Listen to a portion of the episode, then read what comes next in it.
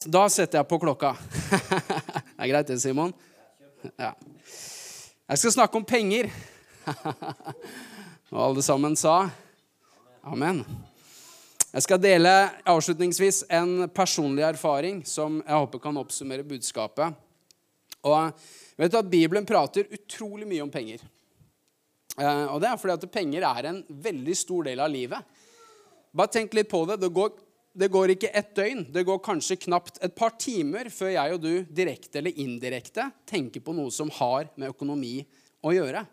Og Grunnen til at Bibelen prater så mye om det, er fordi at Gud er en god Gud som bryr seg om hele livet vårt. Gud er ikke Jesus. Guds ord er ikke bare et kakestykke i livets kakediagram. Han er sentrum, han er vår Herre, som vi bygger livet rundt. Og så vil det influere alle livets brikker. Og siden økonomi er en så stor brikke av livets kakediagram, så er det selvfølgelig sånn at Gud har masse å si oss om de tingene. Og Overskriften på det jeg skal tale om i dag, har jeg valgt å kalle for 'Når pengene ikke styrer livet'. Det handler om å stole på Gud i sin økonomi, men det er også overførbart til andre områder av livet også. Utgangspunktet er Hebrebrevet 13 og vers 5-6.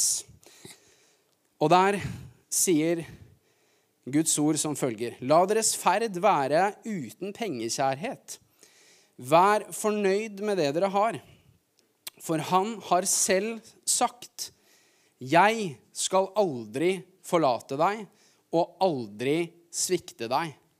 Derfor kan vi frimodig si, 'Herren er min hjelper. Jeg skal ikke frykte.' Hva kan et menneske gjøre meg?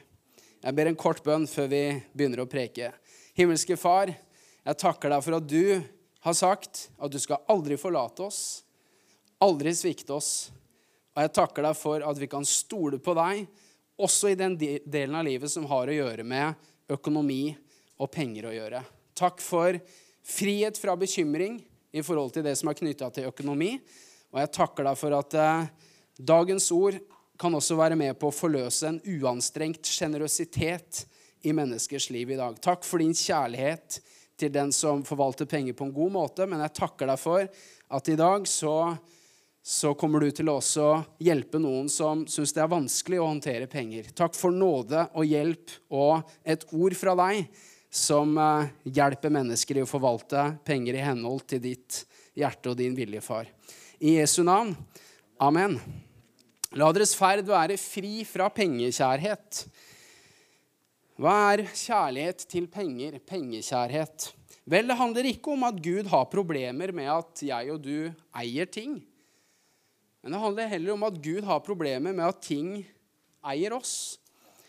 Gud er ikke imot at du har penger, men han er imot at pengene har deg. Og Penger er ikke et problem for Gud, men det kan være et problem for deg og meg dersom vi lar oss styre av kjærlighet til penger. Før jeg sier hva kjærlighet til penger er, la meg si hva det ikke er. For det er ikke et budskap som glorifiserer fattigdom og mangler. Eh, og at det å liksom være litt på felgen økonomisk er nesten et åndelig ideal. Da er du nesten hellig jo mindre du har. Eh, Bibelen, eh, I teksten før som vi leste her, så står det om å la broderkjærligheten være ved. Det står om ikke glemme gjestfriheten. Det står om å huske på fangene som sitter i fengsel. Så det er klart, Hvis du skal være gjestfri, hvis du skal være en som lever i kjærlighet, skal du besøke fangen i fengsel, så må du ha noe å gi. Og så kommer budskapet om å ikke være bundet av pengekjærlighet. Så det er, det er ikke et budskap som handler om at vi ikke skal ha noe. Nei, 2. Korinterbrev 9,8 sier det som følger og Gud er mektig til å gi dere all sin gave i rikt mål, så dere alltid og under alle forhold har det dere trenger, ja, overflod til all god gjerning. Det er Guds på en måte generelle vilje og overskrift over livene til alle sammen. Som David sier i Salme 23, 'Mitt beger flyter over'. Så Gud vil at du skal, som jeg siterte her, at du skal ha nok alltid og under alle forhold, og overflod til all god gjerning. Så det er ikke sånn at det å være fri fra penge, pengekjærlighet eh, er synonymt med å, å, liksom være helt på felgen, selv om livet går i eh, økonomiske sesonger, som jeg skal si noe om etterpå også. Eh, nei, det er sånn at det å være fri fra kjærlighet til penger det handler ikke om at Gud som jeg sa, har problemer med at vi har penger, men heller om at han, han har problemer med at det har oss. At det styrer livet vårt. og dette ordet er jo, når Bibelen sier 'ikke la livet styre seg med kjærlighet til penger, det er jo ikke et ord som først og fremst kommer til materialistiske nordmenn. Dette er skrevet for 2000 år siden. Ergo den egenskapen, den tilbøyeligheten, den fins i deg og meg. At vi kan la oss styre av kjærlighet til penger. Så det er viktig å huske på dette er ikke skrevet til verdens rikeste, mest materialistiske mennesker. Det er skrevet til kristne til alle tider, på alle steder. Deg og meg. Vi har den egenskapen i oss. Og Et interessant spørsmål jeg skal forsøke å svare på i min tale, det er hvorfor blir vi pengekjære? Eh, eh, og denne teksten svarer på det, og her har du på en måte hele svaret. Det er fravær av tillit til Gud. Vi stoler ikke på Gud i forhold til vår økonomi. Det er roten til at vi lar livet styres av penger på en feilaktig måte. Eh, kjærlighet til penger handler ikke dypest sett om at mye vil ha mer, og at man blir egoist. Ja, det kan uttrykkes på den måten, men under, under materialismen så ligger det sterke krefter og murrer. Sterkere krefter og, og murrer. Hva da? Du stoler ikke på Gud, rett og slett. Er du klar for å bli utfordra her? Men er ikke det fantastisk? Vi kan stole på Gud når det gjelder vår økonomi. Amen. Han er vår forsørger. Vi kan stole på ham. Og to årsaker til at pengekjærlighet styrer livet vårt. Og begge har med fravær av tillit til Gud å gjøre. Det første som vi skal snakke om, det er at man prøver å fylle et tomrom. Bibelteksten den sier at vi skal la vår ferd, altså vår livsstil, være fri fra pengekjærhet. Og så sier neste setning, 'Vær fornøyd med det dere har'. Du skjønner, Kontrasten til en som er pengekjær, det motsatte, det er en som er fornøyd med det man har. Man er tilfreds. Man er det som på engelsk heter 'content'. Man er mett, man er fredfull, glad, lykkelig på innsiden. Uavhengig av om man har mye eller lite. Mens pengekjærhet det er på en måte å søke i penger etter det vi bare finner hos Gud. Det er å søke i materialismen etter noe vi kun kan finne i Gud.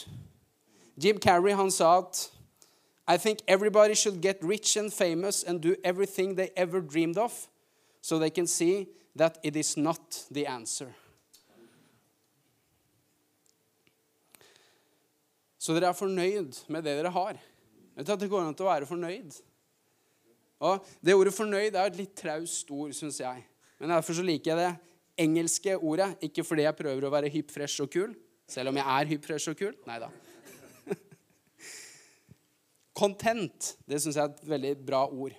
Det er det som står i de engelske bibeloversettelsene. Og Her skal du få et annet bibelord som bruker det ordet om å være content, være fornøyd, i en kontekst hvor det snakkes om penger. Hvor det snakkes om å ha lite, og hvor det snakkes om å ha mye. Det her er fantastisk. Det er på en måte Paulus' vitnesbyrd i forhold til å stole på Gud i sesonger av mangler og i sesonger av overflod. Og Det er Filippe-brevet 4 og vers 11-13. Hør på det her, folkens. Paulus han sier, hvor han nettopp har mottatt en stor pengegave fra kirken i Filippi, så sier han i kapittel 4 og fra vers 11 til 13.: Jeg sier ikke dette fordi jeg mangler noe, for jeg har lært å være fornøyd under de forskjellige forhold jeg har vært i. Jeg vet hva det er å være fornedret, og jeg vet hva det er å ha overflod. Overalt og i alle ting har jeg lært både å være mett og å være sulten. Både å ha overflod og å lide nød. Jeg makter alt i Kristus, han som styrker meg. Og her sier Paulus ja, jeg har lært meg å være fornøyd under de forskjellige forhold. Jeg har lært meg å være tilfreds på innsiden når jeg har mye. Og jeg har lært meg å være tilfreds her inne når jeg har lite. Når jeg er mett, når jeg er sulten, når jeg har overflod, når jeg har mangler. Og her kommer det ordet igjen 'fornøyd', som på engelsk er 'content'. Og det ordet 'content' det betyr bl.a. ifølge ordboka 'in a state of peaceful happiness'. Altså i en tilstand av fredfull lykke, glede. Så Paulus han var mett, tilfreds, glad, lykkelig, oppfylt og fredfull i sitt indre menneske. Uavhengig av om det var mye eller lite på kontoen. Men så ser vi han, han var veldig takknemlig for at noen kom og ga en gave, så han kunne få salt på bordet og kunne tjene evangeliets sak. Så det var ikke sånn at eh, jeg, jeg vil helst leve fattig og være sulten, liksom. Nei, men poenget hans det er at eh, vet du hva? selv om jeg har mangler, selv om jeg har mye, så har jeg lært meg. Det er viktig at vi lærer oss det. skjønner du. Jeg har lært meg. Hva da? Å være tilfreds. Å være mett. Han, han visste at 'jeg har en kilde' som jeg alltid kan gå til, enten jeg har mye eller lite. Og hvor sårbart vårt indre menneske blir når tilstanden til hjertet styres av om vi har mye eller lite. Det gjør vårt indre så utrolig sårbart. Fordi det går opp, og det går ned. Det går i ulike sesonger. Og så blir det fort sånn at når vi erstatter, når vi leter i penger og materialisme, det som vi bare kan finne i Gud, så blir det sånn at mye vil ha mer.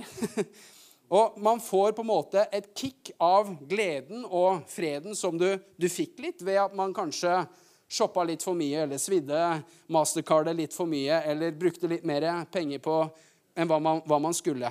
Og Det er nesten som narkotika. Du begynner med en liten dose, og du blir rusa, og det var godt. Og du tar den samme dosen igjen, og det var godt. Og du tar den samme dosen igjen, men så merker du at rusen er ikke like sterk. Det er sånn her man blir narkoman. Men det er sånn her man også driver og tilber avguder. så, så, du øker dosen i takt med at du, du, egentlig driver bare og jakter etter det første kicket du fikk, men du, du må bare ha mer og mer og mer. Og som jeg sa i stad, under materialismen som jeg og du blir eksponert for og lar oss friste av noen ganger. Bare erkjenn det med en gang. det gjør vi alle sammen. Men under der så ligger det et hjerte som er skapt for å slukke sin tørst av Gud, og ikke av brønner som gjør deg tørst igjen. Du skjønner, Like naturlig som det er for tungen å tørste etter vann, er det for vårt indre menneske å ha en naturlig tørst etter Gud. Ikke en tørst som en desperat person i ørkenen, personlig Du må ikke synge sånne lovsanger, Philip Einar. Sånne sanger som 'Å, jeg er desperat, jeg bare tørster og lengter'. Og... Nei, vi har en kilde her inne som vi kan drikke av når som helst, hvor som helst. Jesus Kristus har fylt oss med det levende vannet, så vi er ikke desperate, maktesløse mennesker. Men det fins en naturlig avhengighet i vårt hjerte som Gud har forma, og som bare Gud kan fylle. Så vi er, vi er, på en måte, Vårt lodd i livet er å gå og drikke av noen kilder. For sånn er vi skapt. Og når vi ikke går til Jesus, når vi ikke går til Gud, så kommer det dårlige substitutter og erstattere inn i bildet. Penger og materialisme, mammon, som Bibelen kaller det for. Som vi gjør til frelsere, og som vi tenker skal frelse oss og fylle oss. Men så ser vi de svikter. De innfrir ikke sine løfter om frelse. Vi blir bare etterlatt tomme. Og så må vi finne en større avgud å dyrke. Og så glemmer vi at nei, søren, penger, materialisme, det er ikke min frelser. Jesus er min frelser. Han er den som gjør meg mett og tilfreds og lykkelig og glad i mitt indre menneske. C.S. Lewis han sier som følger Han sier at vi skapninger er ikke født med behov i livet dersom det ikke finnes noen tilfredsstillelse for våre behov. En baby føler seg sulten, og det fins noe som heter mat. En andunge ønsker å svømme, og det finnes noe som heter vann.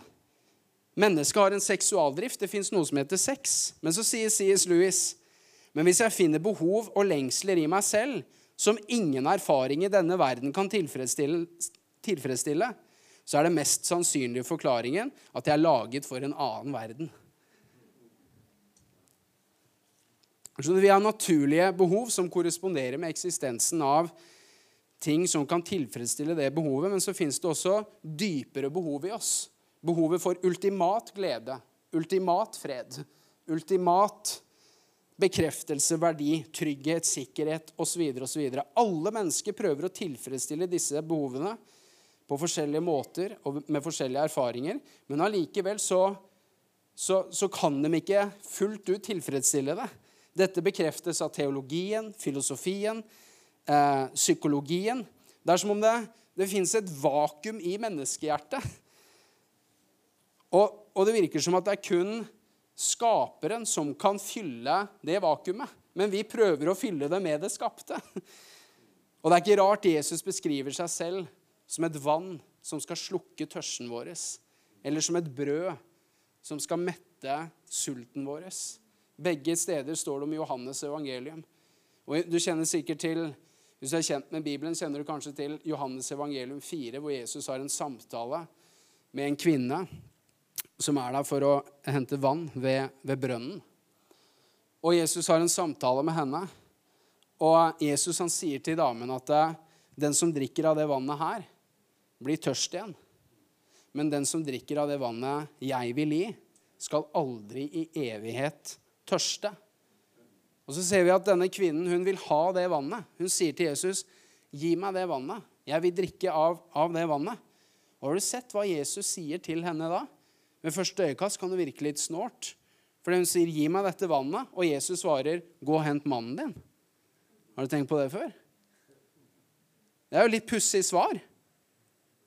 Og hun sier, jeg, jeg, har ikke, 'Jeg ikke noen mann', svarte kvinnen. Og Jesus sier, 'Med rette sier du at du ikke har noen mann.' For du har hatt fem menn, og den du har nå, er ikke din mann. Der snakket du sant. Hva er poenget til Jesus? Jo, Jesus han, han viser denne kvinnen at det du søker etter i det ene forholdet etter det andre, det er som en brønn som gjør deg tørst igjen. Det du leter etter i de mennene, kan du egentlig bare finne hos meg. Den kjærligheten, den bekreftelsen, den freden, den, den frelsen du leter etter i den skapningen der, kan du bare finne hos skaperen. Den som drikker av det vannet, blir tørst igjen. Men den som drikker av det vannet jeg vil gi, skal aldri i evighet tørste. Så hun forsøkte å slukke sin tørst med noe som gjorde henne tørst igjen. Og du skjønner, Problemet er bare at sanne kilder Nå snakker jeg om penger, materialisme. Det kan aldri slukke tørsten etter frelse, etter glede, etter fred. Vi blir tørst igjen. Og det her samsvarer veldig godt med det vi leste i teksten i Hebrebrevet også. La oss lese det en gang til. Hebrebrevet 13 og vers 56. Så sier forfatteren.: La deres ferd være uten pengekjærhet. Vær fornøyd med det dere har, for Han har selv sagt Her kommer forklaringen på hvorfor du kan være fornøyd med det du har. For han har selv sagt. Vet du at Gud har sagt noe om din situasjon i forhold til økonomi? Ofte så, ofte så tenker vi sånn her Gud, hva sier du til meg i dag? Bra spørsmål. Men det er veldig viktig å få tak på hva har Gud allerede sagt om din situasjon. Du skjønner, Guds ord yes, det er, det er medisiner. Det er brødbiter som metter og leger dagens behov. Men det er også vitaminer som styrker ditt immunforsvar, som gjør at når utfordringer banker på døra di, så møter det en forsvarsmur som er blitt bygd opp fordi du har tatt vitaminene i Guds ord. Så ikke bare lytt etter medisin og brødbiter når du hører Guds ord. Få tak på såkornet Gud vil plante i hjertet ditt, som gjør at det, det vokser opp brød en gang i fremtida som du vil trenge. Det er på en måte for seint å begynne å plante ting når du er sulten og trenger brød. Og Gud er god, så han, eh, han, er nådefull. Så ikke sagt med en pekefinger, men få tak på vitaminene. For jeg har selv sagt Gud har allerede sagt noe om din økonomiske situasjon. Hva har han sagt? Jo, hva er, det, hva er det han har sagt som gjør at du kan leve i frihet fra pengekjærhet? Hva er det han har sagt som gjør at du kan være fornøyd med det du har? Jo, det står For han har selv sagt, 'Jeg skal aldri forlate deg' og aldri svikte deg'. Derfor kan vi frimodig si, 'Herren er min hjelper'. Jeg skal ikke frykte. Hva kan et menneske gjøre meg? Så vær fornøyd med det dere har, for han har selv sagt. Så hvis man skal være tilfreds, fredfull på innsiden, uavhengig av lite eller mye på konto, så må du få tak på hva er det han har selv sagt.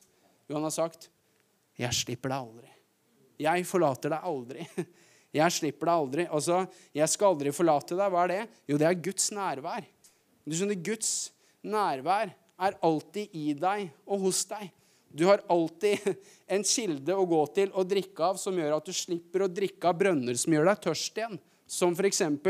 penger og materialisme. Så det er fantastisk å vite at fordi han slipper deg aldri, så slipper du å prøve å fylle tomrommet i livet ditt med ting som aldri kan fylle tomrommet. Men du kan få opp øynene for at wow, Jesus lever i meg. Hans nærvær er i meg. Jeg har tilgang til hans ord, og jeg kan drikke av det som gjør at jeg slipper å gå rundt og være tørst. Kan jeg få et amen på det? Amen. Så det er den første grunnen til hvorfor man blir pengekjær, som jeg ville peke på i dag. Man prøver å fylle tomrom med penger og materialisme. Nummer to bekymringer. En årsak til at man blir pengekjær, er bekymring.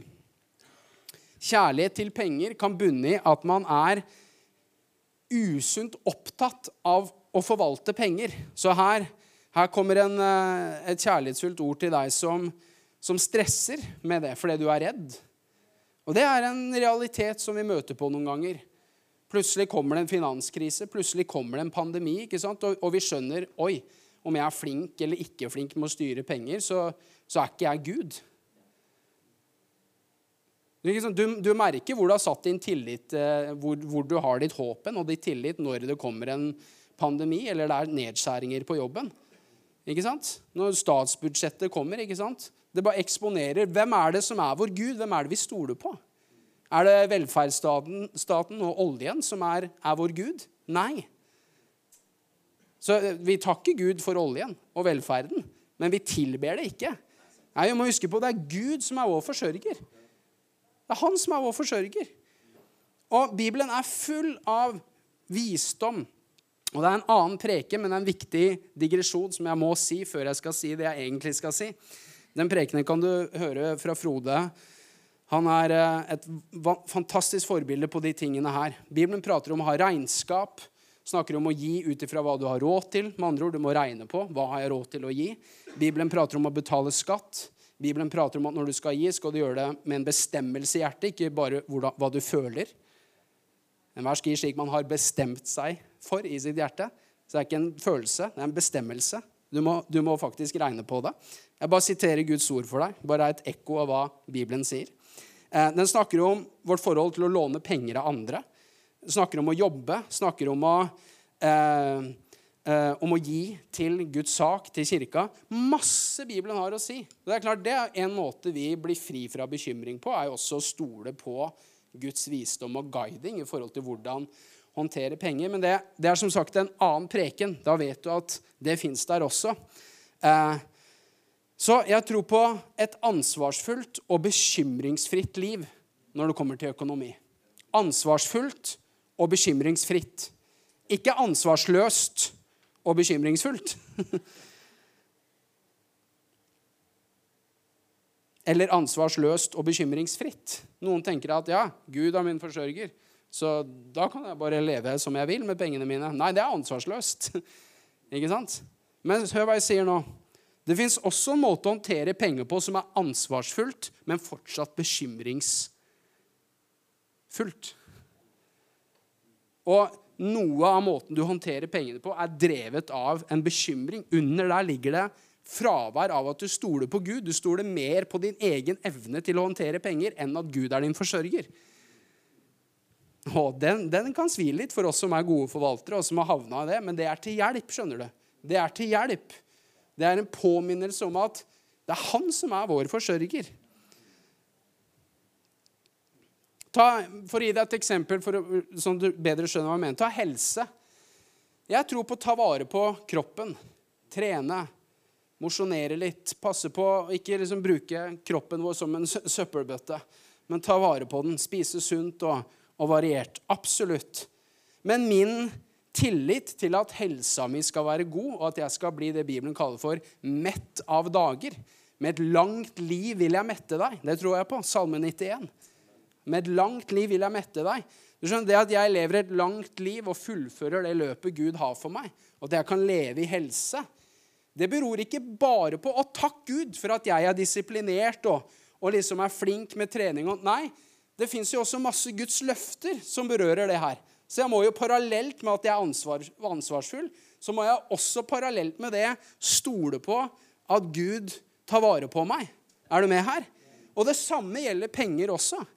Du kan være usunt opptatt av forvalterskap, sånn at det, det sameksisterer med at du egentlig er kjempebekymra. Det styres av bekymring, og det styres ikke av at du stoler på Gud. Får du tak på hva jeg sier her? Så, og det er en kjærlighet til penger. Det er å stole på at penger er din trygghet og sikkerhet. Men det er det ikke. Det er Gud som er det. Og det her er bra preking, skjønner du. Jeg skryter av dine egne prekener. Jeg tror på det her. Og den fella kan vi gå i alle sammen. Ikke minst i det landet vi lever i, hvor vi svømmer i materialisme og penger. Yes, vi skal forvalte det med visdom, med klokskap, med Guds prinsipper. Absolutt. Men det er ikke først og fremst min tillit, mye, eller det som gjør at jeg kan sove godt om natta, om jeg har lite eller mye på bok. Nei, det er at han er min forsørger. Min Gud, som Paulus sier, skal etter sin rikdom fylle all deres trang i herlighet i Kristus Jesus. Og det betyr ikke den, den kommer alltid når man siterer det verset. Har dere merke til det? Ja, Betyr det masse biler og båter og hytter?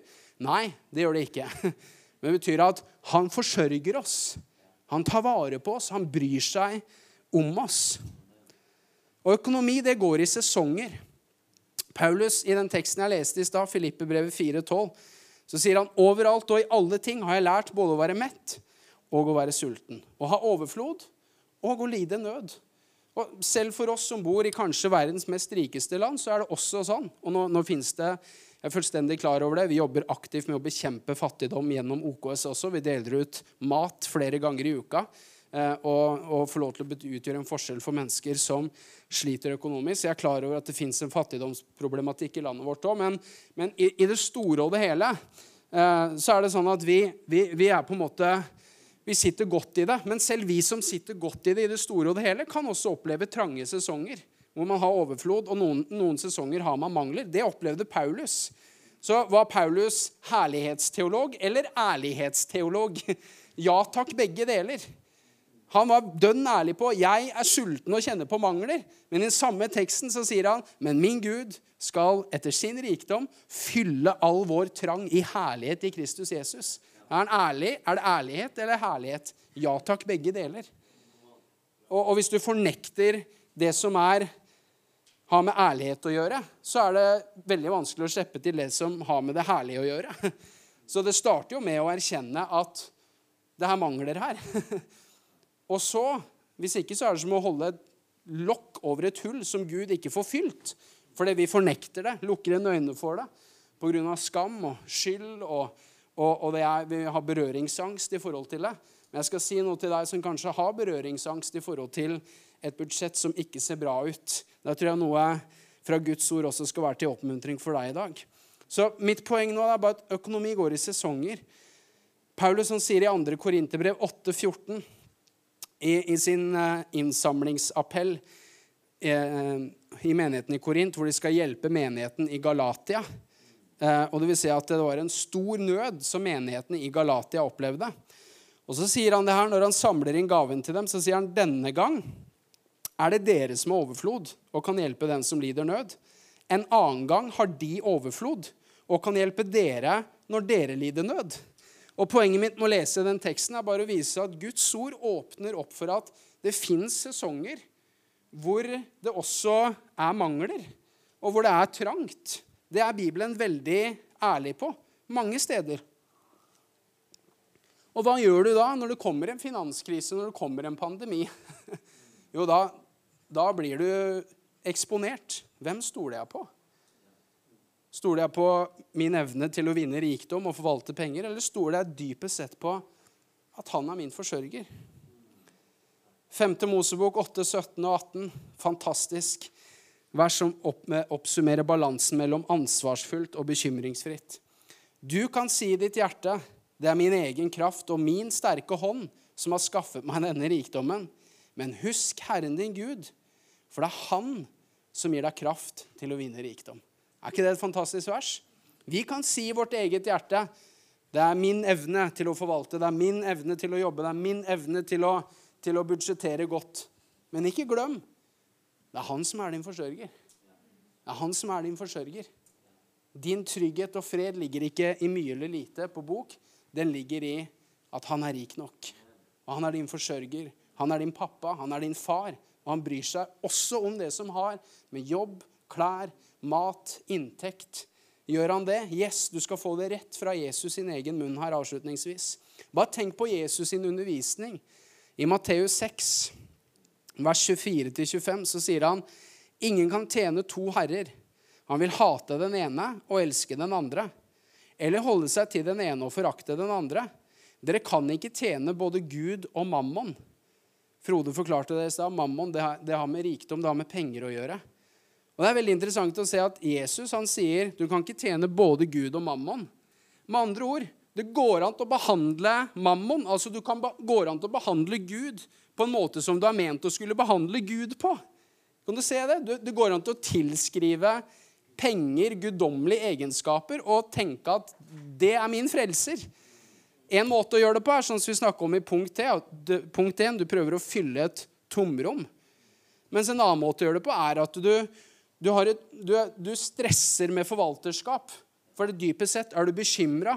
Og det, det avslører at du har din fred i mye eller lite penger. Men da stoler du ikke på Gud.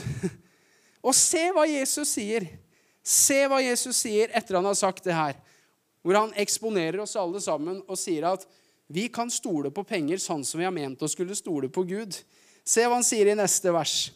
Og da leser vi fra vers 25.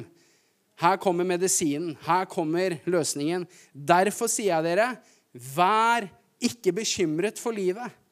Hva dere skal spise, eller hva dere skal drikke. Heller ikke for kroppen hva dere skal kle dere med. Er ikke livet mer enn maten og kroppen mer enn klærne? Og så hopper jeg til vers 31 så gjør dere ikke bekymringer. Og si ikke 'Hva skal vi spise?' eller 'Hva skal vi drikke?' eller 'Hva skal vi kle oss med?' Alt dette er hedningene opptatt av. Men den far dere har i himmelen, vet jo at dere trenger alt dette. Søk først Guds rike og hans rettferdighet, så skal dere få alt det andre i tillegg. så kom ikke og fortell meg at Gud ikke har omsorg for klærne dine, for maten din, for boligen din. Se på fuglene, sier Jesus. De verken spinner eller stresser. Jeg bare parafraserer her. Men deres himmelske far bryr seg om dem. Hæ? Se hvordan Gud kler gresset. Og det, det, flotte gresset og blomstene det havner i ilden i morgen. Hvor mye mer dere lite troende skal han ikke kle dere? Kan lovsangen komme opp, så skal vi, så skal vi runde her.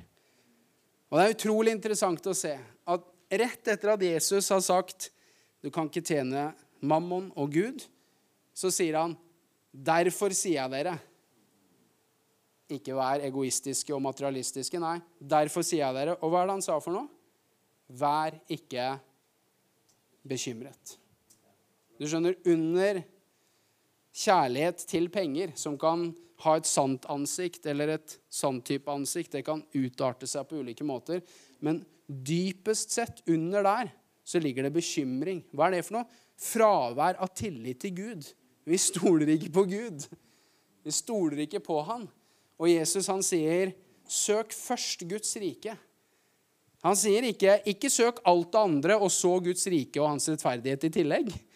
Nei, søk først Guds rike og hans rettferdighet. Og så skal dere få alt det andre i tillegg.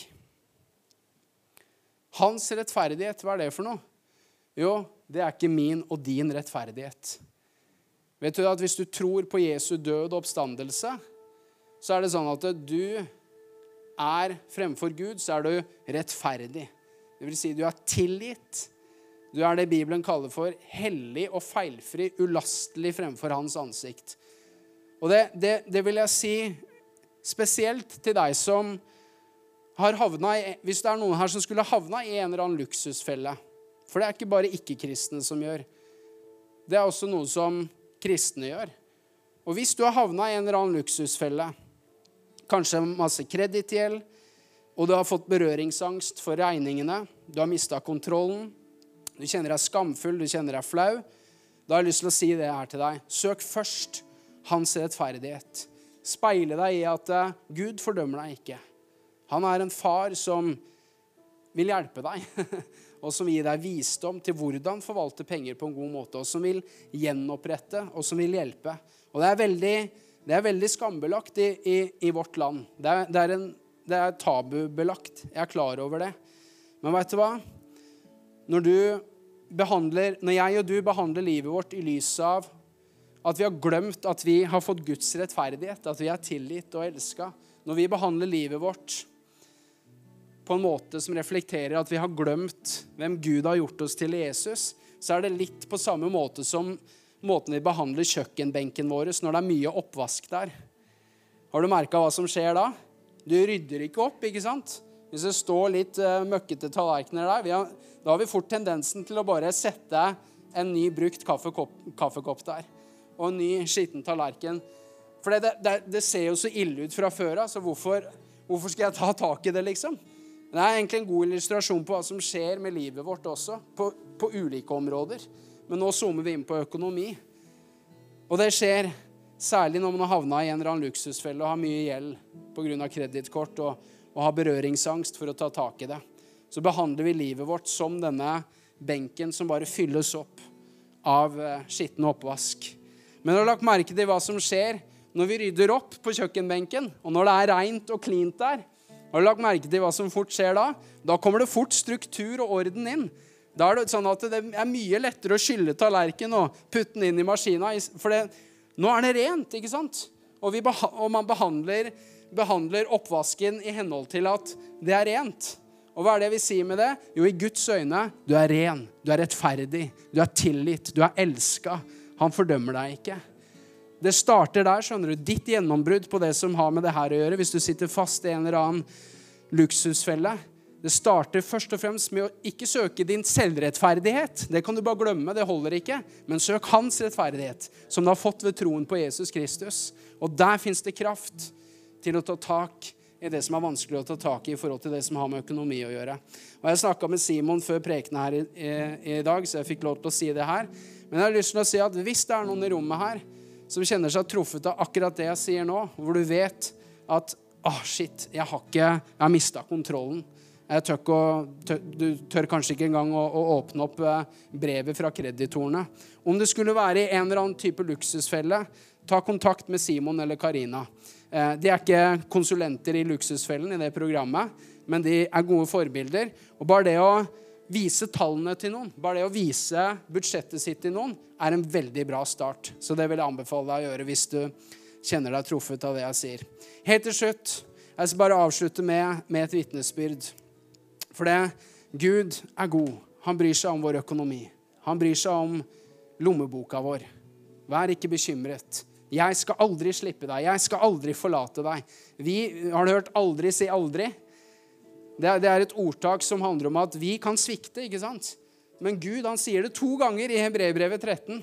'Jeg skal aldri forlate deg. Jeg skal aldri slippe deg'.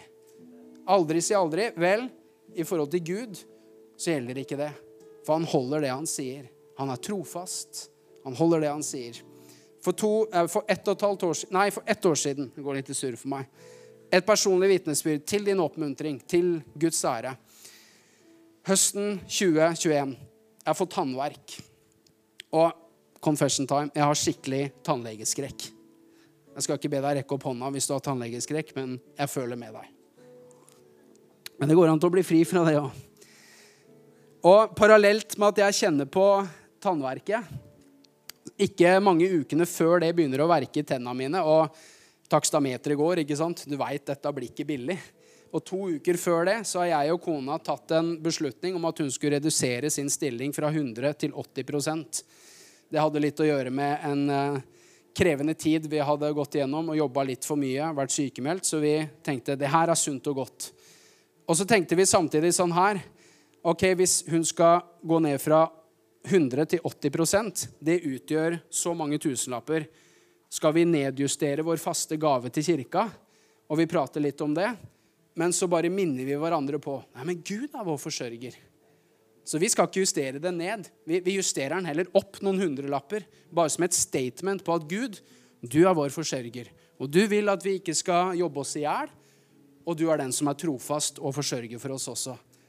Dagen, dagen rett etter det, et annet vitnesbyrd, så er det noen som sender meg en melding. Du, jeg ble minna på dere i går kveld, så jeg bare førte over 3000 kroner på kontoen deres. Bare ba for dere, og så fikk jeg bare lyst til å gjøre det. Bare som en lite hint. I got your back. Og tannverket kommer. Og kjøtthuet som jeg er Det er deilig å høre predikanter si det, at vi er tosker noen ganger, vi òg. Ingenting er mer oppmuntrende enn å høre om andres problemer. det er sagt med, med masse fleip, også, men det er, det er noe i det òg. Tannverket kommer, og jeg tenker sånn her Jeg kan ikke si til kona mi at jeg har tannverk. Fordi vi har jo egentlig ikke råd til at jeg skal gå til tannlegen nå. Så jeg liksom rettferdiggjør at jeg ikke forteller henne om at jeg har vondt i tennene og bør egentlig dra til tannlegen. Ikke smart. Og det blir verre og verre og verre. Og det nærmer seg juleferie, og jeg tenker åh, jeg orker ikke å gå inn i juleferien med det tannverket her. Så i bilen så bare sitter jeg og ber. Og jeg sier til Gud, Gud, jeg takker deg for at du er min forsørger. Takk for at eh, den regninga for den tannlegebehandlingen som kommer, den, eh, den, hjelper du oss med. Og nå ber jeg om at du gir meg visdom til å få tatt tak i det problemet her. I Jesu navn, amen. To dager etterpå sitter jeg med medforfatter av boka vår, Hege Sæter, på kafé i OKS. Eh, snakker om boka en times tid. Hun vet ingenting. Hun jobber som tannlege. Hun vet ingenting om at jeg har tannverk. Og midt, eh, midt i samtalen og nærmer seg slutten, så ser hun meg i øynene og så sier henne, 'Har du tannlegeskrekk?' Ja. Har du vondt i tennene dine nå? Ja. Og det som er sprøtt, er at jeg har sittet i den samtalen og tenkt skal jeg spørre Hege om kanskje jeg kan få komme til henne. Nei, jeg tør ikke. Jeg har tannlegeskrekk. Men før jeg rekker å spørre, jeg vet ikke om jeg har turt det Har du tannlegeskrekk? Ja. Har du vondt i tennene dine nå? Ja. Kan jeg få hjelpe deg? Ja. Lang historie kort. Hun tar meg inn, fikser tennene og noen betaler hele regninga. og jeg er eh, 90% fri fra tannlegeskrekk også. Hvorfor forteller jeg det her? For å oppmuntre deg, for å si til deg, vær ikke bekymret. Søk først Guds rike og hans rettferdighet, så skal du få alt det andre i tillegg. Alt det andre, dvs. Si mat, klær, bolig. Han er din forsørger. Du er ikke overlatt til deg selv. Men han er, han er din Gud. Han slipper deg aldri. Gud, jeg takker deg for at du, du har allerede sagt Du har allerede sagt 'Jeg slipper deg aldri'. Jeg forlater deg aldri. Takk for at vi kan stole på ditt ord. Takk skal du ha midt i en verden av mange ord og mange stemmer. Så fins det en stemme som alltid snakker sant, som alltid er trofast, og det er stemmen fra ditt ord. Og jeg takker deg for at du har løftet noens tro og tillit i dag om at de kan stole på deg. Og jeg takker deg for at eh, fordi du er vår forsørger, så kan vi være sjenerøse i våre liv også. Så i Jesu navn så takker jeg deg for at sannheten om at du er vår forsørger, forløser en uanstrengt sjenerøsitet og forløser giverglede i forsamlingen og i vennskapene. Takk for en raus menighet her i Tromsø.